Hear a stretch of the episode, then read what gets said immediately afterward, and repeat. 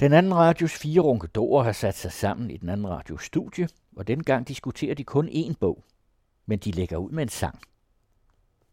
Jeg mor mig en sjælden gang, jeg drives mest af pligten, så skriver jeg en lille sang, jeg elsker denne digten. Lad alle embedsmænd her nu skåle på deres sundhed, hvis ikke jeg er glad for jer, så er min egen dumhed. Det var runkedorerne, der for en gang skyld brød ud i fællessang, eller jeg vil sige et forsøg på fællessang. Og teksten, som øh, vi sang, den er skrevet af Bertel Horter, og den står i den bog, som vi nu alle sammen taler ud fra, nemlig Bertels bedste, som er en samling af de lejlighedsdigte, som Bertel Horter har skrevet ved flere forskellige lejligheder når de har haft møde i Venstres øh, folketingsgruppe, og det er Bertel Hårder, der bliver bedt om at skrive referatet, så kommer det på vers, og samtidig også en melodi, så de kan synge det i fællesskab. Og han skriver rigtig mange sange. Det meste af det er, sådan fremgår det i hvert fald af den her bog, det er skrevet ud af ren og skær lyst. Jeg elsker denne digten. Det stod der jo et af de linjer, som vi nu har sunget. Og denne gang har vi ikke fire forskellige bøger, men vi har den her, Bertels Bedste. Og øh, vi har hver valgt øh, en af Bertel Hårders øh, sangtekster, og øh, jeg er ikke sikker på, at vi skal synge dem alle sammen, men vi kan snakke om dem. Det er, det er der i hvert fald noget, vi kan. Og øh, Georg øh, Mets, du er den første, der får lov til at sige, hvad du mener om, du har valgt en sang af Bertel Hårder, og øh, værsgo. Tak. Jeg har ikke valgt den fra bogen der, jeg har valgt den fra Højskolesangbogen, fordi Bertel Hårder er også repræsenteret i Højskolesangbogen med øh, nummer 385, som han også selv altså understreger. Og det er jo i sig selv en fin ting at komme op i Højskolesangbogen. Øh, og det er klart, det han laver er jo også det, der er i den bog, I sidder med, og også den i højskolesangbogen, så er det det, der hedder et lejlighedsdigt. Og det lægges der heller ikke skjul på i noten. Det er skrevet til en bestemt begivenhed. Og det er der jo mange danske sange, der er. Øh, den nok som berømte den danske sang af en ung blond pige. Det er jo også en lejlighedsdigt, det kan man måske også mærke det på det, men at det er noget, som egentlig går igen i mange af de her tekster, det er det. Og den, som Bertel har fået, Bertel Horn, har fået optaget her, det er den, der hedder Der er et venligt lille land, hvor han træder ind, samtidig med, at han er, han er lejlighedsdigter, øh, så træder han ind i øh, en tradition, som man kan spore tilbage til Rode, hans berømte som er rejselysten flåde, som efter sine er Bertel Hårders yndlingsdigt. Øh, der er mange referencer til det. Der er også i digtet referencer til Jeppe Aukær og uh, i det hele taget det grundlag af dansk. Ikke moderne, men, men halvmoderne digtning, altså gennembrudsdigtningen, pussy nok, hvis man så bruger det stærke ord dækning, så må man måske nok lige tage lidt forbehold for det. Altså, det er ikke rigtig lyrik. Øh, der er mange svagheder i det. Det er man nødt til at fremhæve. Når han for eksempel tager udgangspunkt i forestillingen om Danmark som noget, der flyder rundt på vandene, øh, netop med udgangspunkt i rode, så bliver hans billede lidt flot. Det er i forvejen et tvivlsomt billede, som øh, Rode bruger, ankret op ved Jyllands bro altså de danske øer, der er ankret op ved broen. Det går lige an, fordi Jylland ligger der som en bro. Men Bertel kommer til at ødelægge det ved at kalde det med øer, bro og stille vand, og Jylland trygt for anker.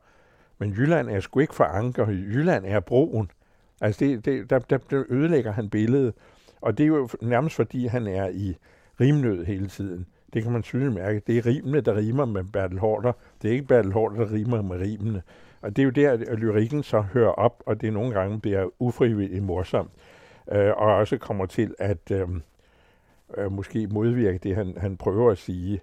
Hus og velfærdsvaner, og vin til deres ganer. Altså, det, vi bruger ikke billedet på den måde. Man bliver forstyrret i sin metaforik. Og på den måde, så mister han altså midt i sin ubehjælpsomhed, så, så øh, kan man ikke, synes jeg, ikke lade være med at grine en lille smule af det.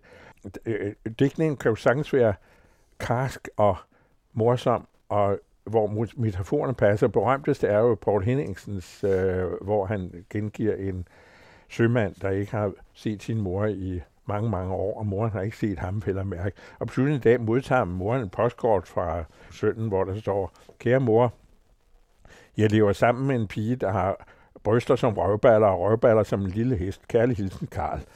Og som BH dengang skrev, det er måske ikke det, en gammel mor, som var allermest interesseret i at høre som det første, men på den anden side, så viser postkortet, at han har det godt. Og det er sådan set hovedsagen. Så han er kommet igennem med sit budskab.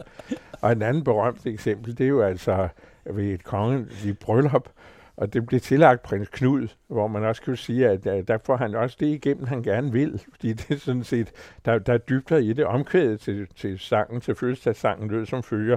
Øh, røg og guldsand, lort og pis, Axel fylder 65. Jeg mener, det sad i øjet, og samtidig lå der sådan en vis beklagelse i, at tiden går. Så han opnåede det, han ville. Spørgsmålet er, om, øh, om Bertel Hårder opnår det, han vil med det, andet end han måske afsætter en vis, i, i mig afsætter en lille smule irritation, fordi han øh, også leger moralist og, og bebrejder sine, sine landsmænd, at de ikke helt lever op til hans forestillinger om, hvordan de skal være.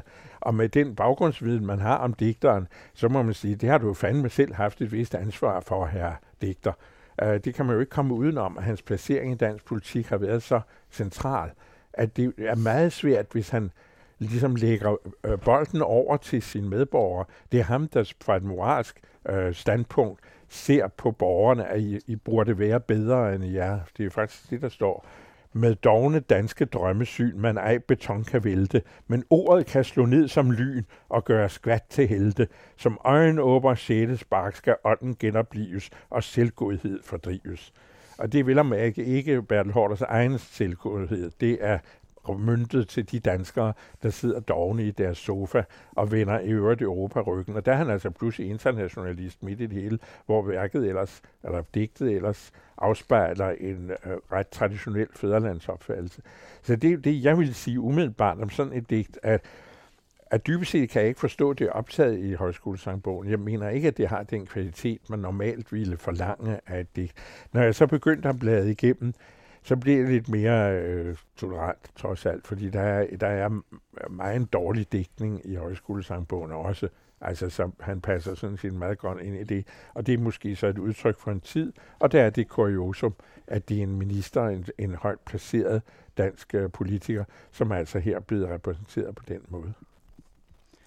Er der nogen, der har noget, er nogen, der tør sige noget oven på den svada, som Kjær Mets her har leveret? Det var det køb gerne sige mig imod, men så bliver jeg sur. ja, Nå, altså med risiko vil jeg sige, nej, jeg synes egentlig, det er meget køn uh, lille sang, uh, Bertel Hård har skrevet der men øh, jeg, jeg vil godt øh, prise øh, Bertel men det er ikke min tur nu, for jeg ved, Egon, at, at, at Jens skal sige noget før mig. Ja, ja, det er mig, der har bestemt, hvilken ja. rækkefølge I skal snakke om, så nu har du forbrudt dig, oh. Nikolaj. Du har fået oh. minus i karakterbogen, ja. så værsgo, Jens. Jeg vil da godt tage, tage tråden op og pege på den mere positive øh, side af Bertel. Jeg vil derfor undgå helt at komme ind på de idiosynkrasier, han har drevet sin politik ud fra over for for eksempel øh, lærerne i, i skolen og sådan noget. Han har haft et værdigrundlag fra øh, en pædagogisk virksomhed i, i en højskole, som han har prøvet at overføre til øh, en almindelig institution, og det har ført til nogle forfærdelige ting. Men omvendt, så vil jeg godt tage fat på noget, hvor jeg synes, han skal roses i 1976 fik Rit Bjergård stort set afskaffet ånden og åndslivet i dansk skole ved at indføre en læseplan for faget dansk, hvor det blev et rent kommunikationsfag, og altså ikke et dannelsesfag, som det ellers har været siden det strynske cirkulære. Og der gjorde Bertel Hårder, det der han kom til i 84, at han, øh, eller 83, at han justerede og lavede dansk 84. Og der synes jeg, det tjener ham til ære, at han bad venstresocialisten Torben Brostrøm om at gå ind og skrive en læseplan, hvor der igen kom et værdihierarki i sproget, og Torben Brostrøm forlangte, at øh, Jørgen Lund blev sat på til at skrive, fordi han rent faktisk kunne skrive. Og derfor fik vi for faget dansk den eneste læseplan, der er læseværdig, selvom man ikke interesserer sig for faget, fordi den er velskrevet. Øh, det har blandt andet fået øh, Bert Horter til at skrive en fødselsdagssang til øh, Jørgen Lund, da han fyldte 60. Og den er medtaget i bogen her, det er ovenikøb på Flikkerne i, i Småland, som han bruger flittigt. Den handler selvfølgelig om begivenheden, som foregår på Schæfergården. På Schæfergården sidder litterater om et bord. De fejrer en kollega vidt berømt for sprog og ord. Og han roser så Jørgen Lund her på et sprog, der er lidt mindre elegant, end det Jørgen Lund selv betjener sig af, må man sige. Men alligevel så rammer han nogle af de centrale ting hos Jørgen Lund øh, om hans sprogbegejstring og om hans øh, alsidighed, da han lavede den øh, som redaktør af den danske encyklopædi. Og øh, jeg synes, det er en flot hyldestsang. Og der går han jo ind i en øh, tradition, vi har i Danmark, for at skrive hyldestigte til personer. Og det synes jeg faktisk er en, en rigtig god tradition. Jeg ved, at øh, prins Henrik var dybt målløs over den, da han kom til Danmark. Navnlig, at vi skrev det på melodier, som ellers blev brugt til seriøse, til seriøse dækninger, og det rystede øh, franskmanden en del med. Men jeg synes, det er en gedigen dansk tradition, som er med til at skabe fællesskab. Og det synes jeg så, at det, der bærer Bertel Hårder igennem, ikke at det er særlig elegant, det han laver, jeg er enig med, med Geo i, at han meget tit bliver styret af rimene. På den anden side, så kan man sige urimeligt mange sandheder, hvis man øh, lader rimene styre. Øh, man kan faktisk komme til at svine nogen på en god måde øh, på den led. Jeg har selv øh, jo hygget mig meget med at skrive lejlighedssange til informations julekonkurrence for eksempel. Men jeg har også lavet en lille en til Bertel, fordi han har stemt for en læseplan for faget den, som er endnu værre end den, han selv gjorde oprør mod 76. Så derfor på melodien Bjørnen sover, der har jeg lavet en, der hedder Sover Bertel, Sover Bertel, er han blevet rolig, og så videre. Så man kan jo godt bruge de her ting øh, til øh, i øh, en debat. Jeg tror faktisk, at han har betydet meget for, at der stadigvæk er højt til loftet og langt til døren i venstre, fordi de kan sidde og grine hinanden. Øh, så øh, fællesskabsfremmende, det er han, men dækning, det synes jeg ikke rigtigt, man skal kalde det. Ja, tak skal du have. Lidt venligere end den første, så det, vi bevæger os åbenbart lidt som sådan trinvis opad. Og du, nu er det vores positive øh, ven, øh, Nikolaj. Nu må du... Ja, det din tur. Øh, ja, jeg vil sige, altså for det første vil jeg sige i øh, nu, øh, at øh, Jens øh, sådan taler om, om den forfærdelige Bertel Hårder som undervisningsminister. Der vil jeg så til gengæld sige, at han i øvrigt i lighed med, med øh, Rik Bjerregaard, gør det rigtige, nemlig at han agerer som det, han er, politiker. Mm. Altså i stedet for at være embedsmand, der bare sidder og administrerer uh, noget, der tidligere er vedtaget. Han går ud og laver politik. Den kan man så bryde sig om eller ikke bryde sig om. Og sådan er det jo i et, i et folkestyre hvis jeg må bruge det ud. Det er måske lidt højtidligt. Jeg ved ikke, folkestyre, må man sige det i dag? Ja, det må du gerne, okay. og der er jeg enig. Altså, jeg okay. synes altså, at han er en god politiker. Det var ikke, ja. jeg, jeg tog stilling til ham som du, digter. Som digter, ja, helt sikkert. Så vil jeg så sige, at øh, jeg forstår godt de indvendinger, der kan være, at, øh, at halter lidt ind imellem. Der må lave no, laves nogle forkortelser og den slags ting. Men jeg synes, det er en velsignelse at have en politiker med så lang en politisk erfaring. Han, han er det ældste med, øh, den, den, der sidder længst i Folketinget i dag. Han har haft et utal af min, nej ikke et utal, han har haft talrige ministerier. Han er et menneske, jeg har, må sige, jeg har, jeg har truffet ham nogle gange. Jeg har faktisk også haft en, en, en skamyssel med ham for mange år siden, øh, men, det, men det, det er lagt bort. Han er en af de mennesker, hvor jeg siger, det kunne godt nok være sjovt at sidde en aften sammen med ham og en flaske whisky, det tror jeg kunne være rigtig spændende og sjovt. Det er Gerd ikke helt enig med mig i, tror jeg. Men... Nå, når så kunne man se noget på mit ansigtsudtryk. Ja. Det var ikke meningen. Det, ja, ja, ja, ja, det tror jeg, alle lytter har lagt mærke til. Ja, det var en begyndende forkølelse. okay. Nej, øh, og så vil jeg så sige, at øh, jeg synes, der er mange skæg sange i hans bog her. Rigtig, rigtig sjove sange, fordi han får sagt en masse ting. Han blev jo meget berømt i Danmark i, i forbindelse med et interview i, i fjernsynet, hvor en, en uh, tv-journalist, der hedder Christian Slot, interviewede ham på Christiansborg. Bertel Holt blev spurgt om noget, som han ikke kunne svare på, øh, fordi han ikke var blevet orienteret godt nok. Og øh, det endte så i et, øh, et, fantastisk sceneri, hvor han blev meget ophidset og meget vred. og han øh, kaldte journalisten for et dumt svin, og øret øh, brugte et fremragende udtryk som at pis mig i øret. Det er jo, det er jo vidunderligt. Altså, jeg har aldrig hørt en, en tidligere minister og, og, og folketingspolitiker overhovedet bruge øh, et sådan udtryk. Han gik simpelthen fuldstændig agurk. Det skriver han også om i bogen, om at sige undskyld. Og der øh, nævner han forskellige, øh, der har sagt undskyld i tidens løb, og det blev så også til en sang om at sige undskyld. Jeg synes, det er vidunderligt at have en politiker, der kan blive så ophidset og så vred på en journalist.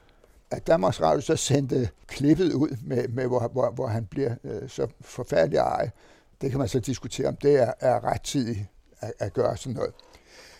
Men det er skønt at opleve ham. Jeg fik meget respekt for, for Bertel Hårder, da jeg så det der øh, urkomiske, øh, med, med hvor han bliver vred. Hans øh, evne til at diskutere på rim øh, har man også. Jeg kan læse her fra bogen, hvor jeg så også må fortælle, at ud over alle disse øh, lejlighedssange, som det jo faktisk er, så er der historier fra hans tid som politiker og fra Christiansborg. Og de historier i sig selv er jo en del af Danmarks historien og det er det, der øh, også gør denne her bog rigtig læseværdig og sjov at bladre rundt i.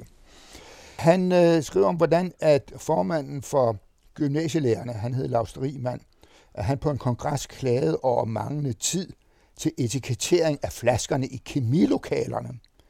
Og så endte øh, Bertel Hårder i sin svartale med at foreslå ham, at han selv og Bertels selv i nogle dage i ferien kunne tage rundt og få sat etiketter på så kunne de også få snakket noget mere sønderjysk, fordi Lars Riemann, han, han var fra Åben Rå, og Bertel Hård var selv nede fra, fra Rønshoved.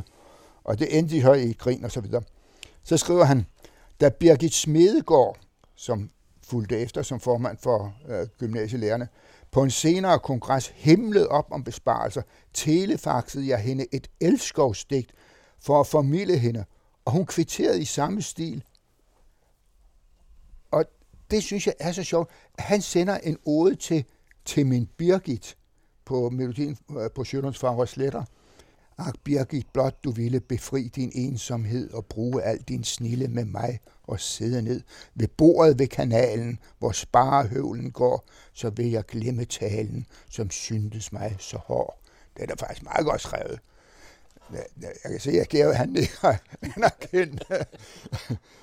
og den sender han så til hende. Og så sender hun tilbage til min Bertel med melodien Ak, ingen steds er roserne så røde. Ak, ingen steds er roserne så røde, og ingen steds er himlen så blå, og heller ikke tårnene så bløde, som i det digt, jeg hermed skriver på. Og sådan noget synes jeg er fantastisk. Det tror jeg ikke, man vil opleve i Frankrig, eller USA, eller England, at en undervisningsminister sender et digt til sin modpart Øh, i, i fagforeningen, og fagforeningsformand sender et dæk tilbage. Det er da vidunderligt. Og det synes jeg, hele denne bog, og med alle de anekdoter, der er i, fortæller, at vi skal være rigtig glade for de mennesker, i hvert fald for Balholder, men også for mange af de andre, der sidder inde på, på borgen og er i stand til at grine sammen og øh, lave sjov med hinanden. Og ovenikøbet at have en mangeårig minister, der kan skrive lejlighedssange i et flow. Det er vidunderligt. Tak, Bertel Hårder. Det kan næsten ikke overgå at ske over. Nej, ja. Jamen, jeg er stum. jeg vil lige sige lidt mere om den her bog. Der er 88 øh, lejlighedssange, som er skrevet igennem alle årene. Og til hver sang er der knyttet en kommenterende tekst hvor Bertel Hårder forklarer lidt om baggrunden for den her sangtekst, som så følger, og så den rigt illustreret i øvrigt med øh, satiretegninger fra aviserne.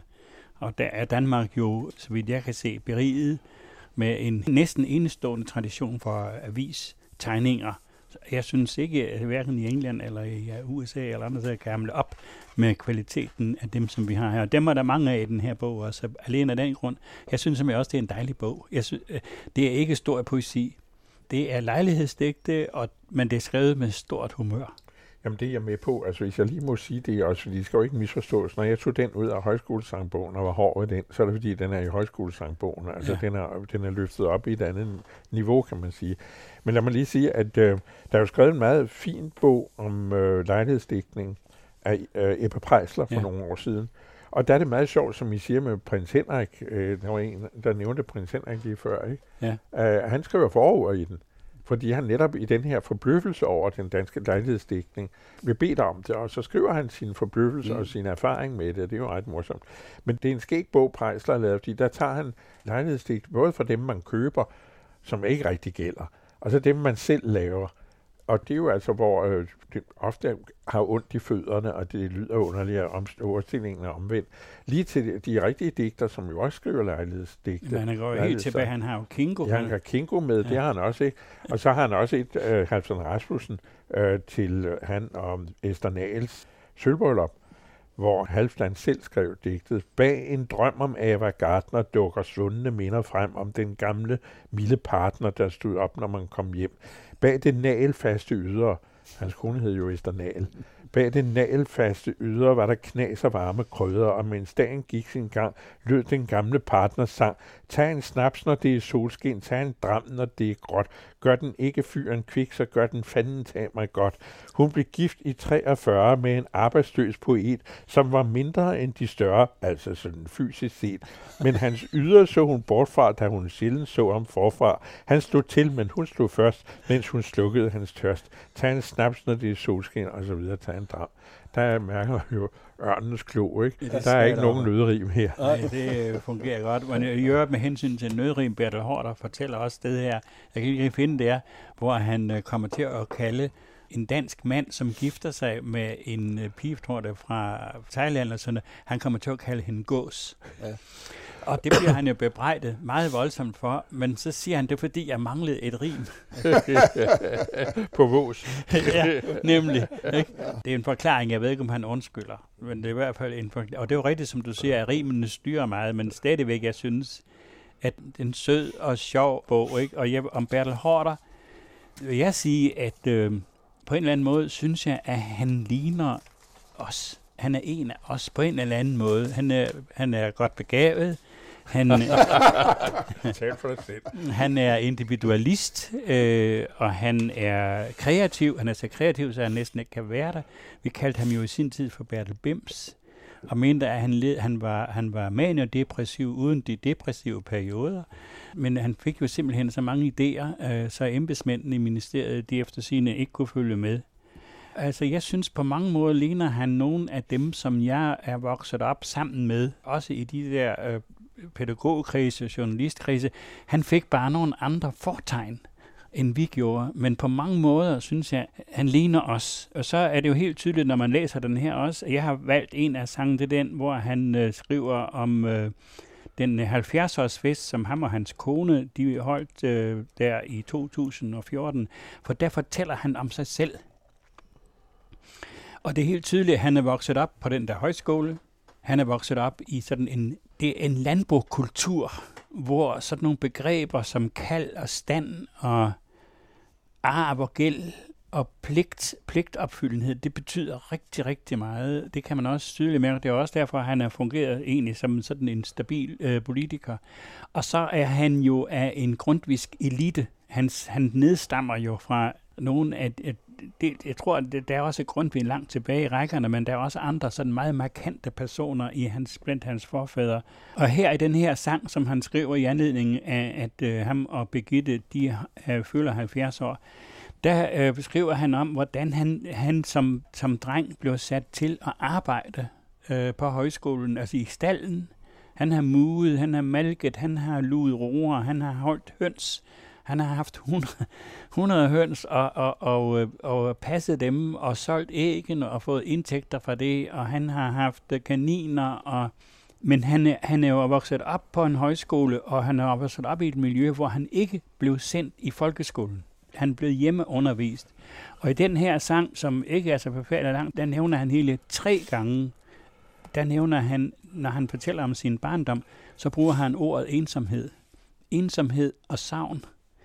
Ja, og det tror jeg er rigtigt. Han har ikke haft nogen, nogen jævnaldrende legekammerater. Han havde ligget om aftenen, så kunne han høre, hvordan faren og eleverne i højskolen, de sang fra højskolesangbogen. Det var sådan set det sociale liv. Og så han skriver også et sted her, at øh, mine bedste venner var kaniner. altså, det, det, det lyder sjovt, men man kan også opfatte det som, det, det er ikke helt godt. Og så, og, så, og så igen kommer det, tre gange kommer det der øh, ordet ensom. Efter han så var en stor dreng, eller ung mand, så blev han så sat i den lokale skole.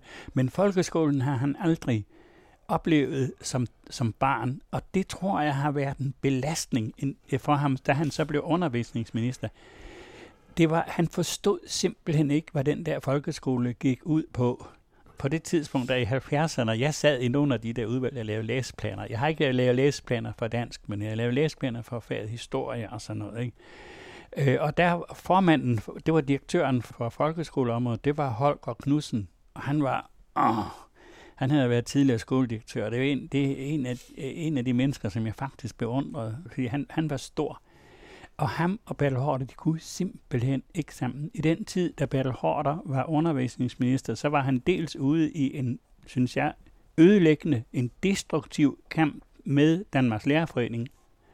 Det var jo også i hans periode, hvor man kan sige, at embedsmændene i øh, undervisningsministeriet, da han kom ind, der var det sådan, at stort set alle embedsmænd, der sad der lige fra direktøren og ned efter, de havde praksis i skolen som erfaringsgrundlag. Og i hans periode blev de skiftet ud. Mm. Der begyndte den proces, som gjorde, at nu sidder der ingen, der ved, hvad det egentlig er, der foregår i skolen. Det er alle sammen sådan nogle akademikere, der kan sidde og regne ud og læse PISA og, og, og stille op. Det synes jeg er en sørgelig arv. Jeg kan huske en gang, øh, Holger Knudsen kom og sagde, han var så stolt af, vi, den, den danske folkeskole, er, der var en eller anden europæisk undersøgelse, og der ligger den, den danske folkeskole i toppen. Og så sagde Peter Hotter, det tror jeg simpelthen ikke på. Og, og så begyndte hele det der regel, altså øh, undersøgelsestyranni, som endte i PISA og andre katastrofer, det, det tog sin fart der. Og det var fordi, tror jeg blandt andet, at Bertel Hårder ikke forstod, hvad en folkeskole egentlig er for noget. Men ud over det, så synes jeg, at det er sjovt at læse den her bog, og jeg vil give Nikolaj fuldstændig ret. Det er dejligt at have en politiker, som har sådan et stort overskud, så han øh, simpelthen også skriver vers, som andre synger med på. Jeg tænker nemlig også samtidig på, når man læser eller hører om, hvordan det, det politiske system, hvordan politikerne har det med hinanden, for eksempel i England lige for tiden, eller i USA, øh, lige for tiden og andre steder, hvor de der destruktive splittelseskræfter, som vi jo også kender her i Danmark, at de har fået så meget magt, så politikerne ikke engang kan, ikke kan tale sammen, og der slet, slet ikke synge sammen. Men det kan de i Danmark, og det synes jeg, vi skal være glade for. Ja, jeg siger, øh, ja, og der kan jeg så knytte til, jeg læste et eller andet sted, at øh, den tidligere formand for enhedslisten, øh, hvad var det, hun hed? Øh, Johannes Schmidt. Johannes Schmidt Nielsen, ja. Hun havde øh, fortalt af Bertel Hårder, at en af hans julesange, den, den sang de mm. altid hjemme hos hende, ja. når, der, når det var jul. Og som, som Bertel så sagde, at det synes jeg simpelthen, det var da noget af det smukkeste, han havde hørt, at det skulle gå sådan. Han skriver jo. selv, toppen af min digterkarriere, noget af det, det rigtigt, da Johannes Schmidt Nielsen fortalte, at det i familien ja. Nielsen nu er tradition at synge Bertels julesang. Og senere, da den socialdemokratiske folketingsgruppe afsang julesangen på det sidste gruppemøde før jul, og så siger han, det er toppen af digterkarrieren. og så regner han sig jo heller ikke selv for mere vel det, det, er, det er brugstekster, det her. Ja, ja. Men jeg vil så lige sige det der med, med, med lejlighedssang, som det jo er. Altså, jeg, har, jeg er ikke nogen god poet, det kan jeg godt sige. Men jeg har skrevet to sange i mit liv. Fordi jeg har øh, to børn, øh, som jo skulle konfirmeres på et tidspunkt. Og der skrev jeg konfirmationssange, jo sammen med min kone. Jeg tror, det er jo ufattelig mange mennesker i Danmark, der faktisk har sat sig ned og skrevet sange. Ja, ja. Fordi det hører sig til. Altså konfirmationssangen, kan man forestille sig en konfirmation uden en sang? Og den skal være hjemmelavet. Det er rigtigt, som Gary siger. Vi regner ikke dem der, man går ud og køber færdige. Men det er, det er rigtigt, der er nogen, der har svært ved det der øh, med at rime. Og der, der i den bog, som du sidder med der, om lidt er sangen klar, Ebbe Pejser, som er en vidunderlig bog, der er der også et citat af en, som skriver vers, og, og hun, hendes slagord eller motto, det er, har du svært ved at rime, så ring til Katrine. jeg synes, at man må sige en ting om, om den her bog mere, fordi jeg er enig med i, at han er en fantastisk politiker. Men inden for folkeskoleområdet, der tror jeg, Egon peger på noget centralt, fordi når man ser, hvad han siger, da han blev sundhedsminister, om sygeplejersker og læger og sin beundring for dem, så er det jo karakteristisk for politikeren, at han bliver en god politiker, når han beskæftiger sig med noget, som han ikke tror, han har forstand på, men er nødt til at lytte til. Hans store problem inden for undervisningssektoren, det var, at han troede, han vidste alt. Og det gør han også i de her sange. Han er voldsomt selvhævdende. Med den her lille undskyldning jeg ved, men han skriver kun lejlighedssang. Han skriver ingen ulejlighedssang. Der er ingen af dem, der peger fremad. Det, det synes jeg er ærgerligt, fordi de sange, som kan pege, altså vi havde nogle politiske slagsange i samme periode, som han voksede op, de peger fremad på et eller andet vane. De var reaktionære, de var socialistiske. Alle sangene i den her bog, det er referatsange. Det synes jeg på en eller anden måde øh, indkredser og gør det til nogle hyggelige sange. Jo, det er jo men, også, det er jo også, og den jeg begyndte med i højskolesangbogen, det er jo også underforstået, at der er en, en, en tid, vi er gået miste om. Altså, der er nogle mm. værdier, der er røget, og det er jo altså noget, der ligger i øh, romantikken, kan man sige, for nu at være høflig. Mm. Ikke? Og det, altså for at være endnu mere høflig, så er det jo Grundtvig, øh, som han forestiller sig. Der er en eller anden forestilling om en ideal tilstand og en ideal mm. verden, som er gået tabt og som han har gjort en del for på en eller anden måde at genopleve. Det tror jeg ikke, man skal komme udenom, at der er det, man i ordets gammeldags forstand forstår ved et reaktionært indhold i, i, i manden. Og det, det er jo sagt i al venlighed, det har man jo lov til at være. Men det er, en, det er ikke et fremadskuende synspunkt. Det er en, hele tiden en reformation hen imod en, en tilstand, der vist nok var, og som vel og mærke ikke var der. Bogen Bertels Bedste er udgivet på Lindhardt og Ringhof. Egon Clausen, Nikolaj Iffersen, Georg Metz og Jens Råhauke udgør den anden radios runkedorer.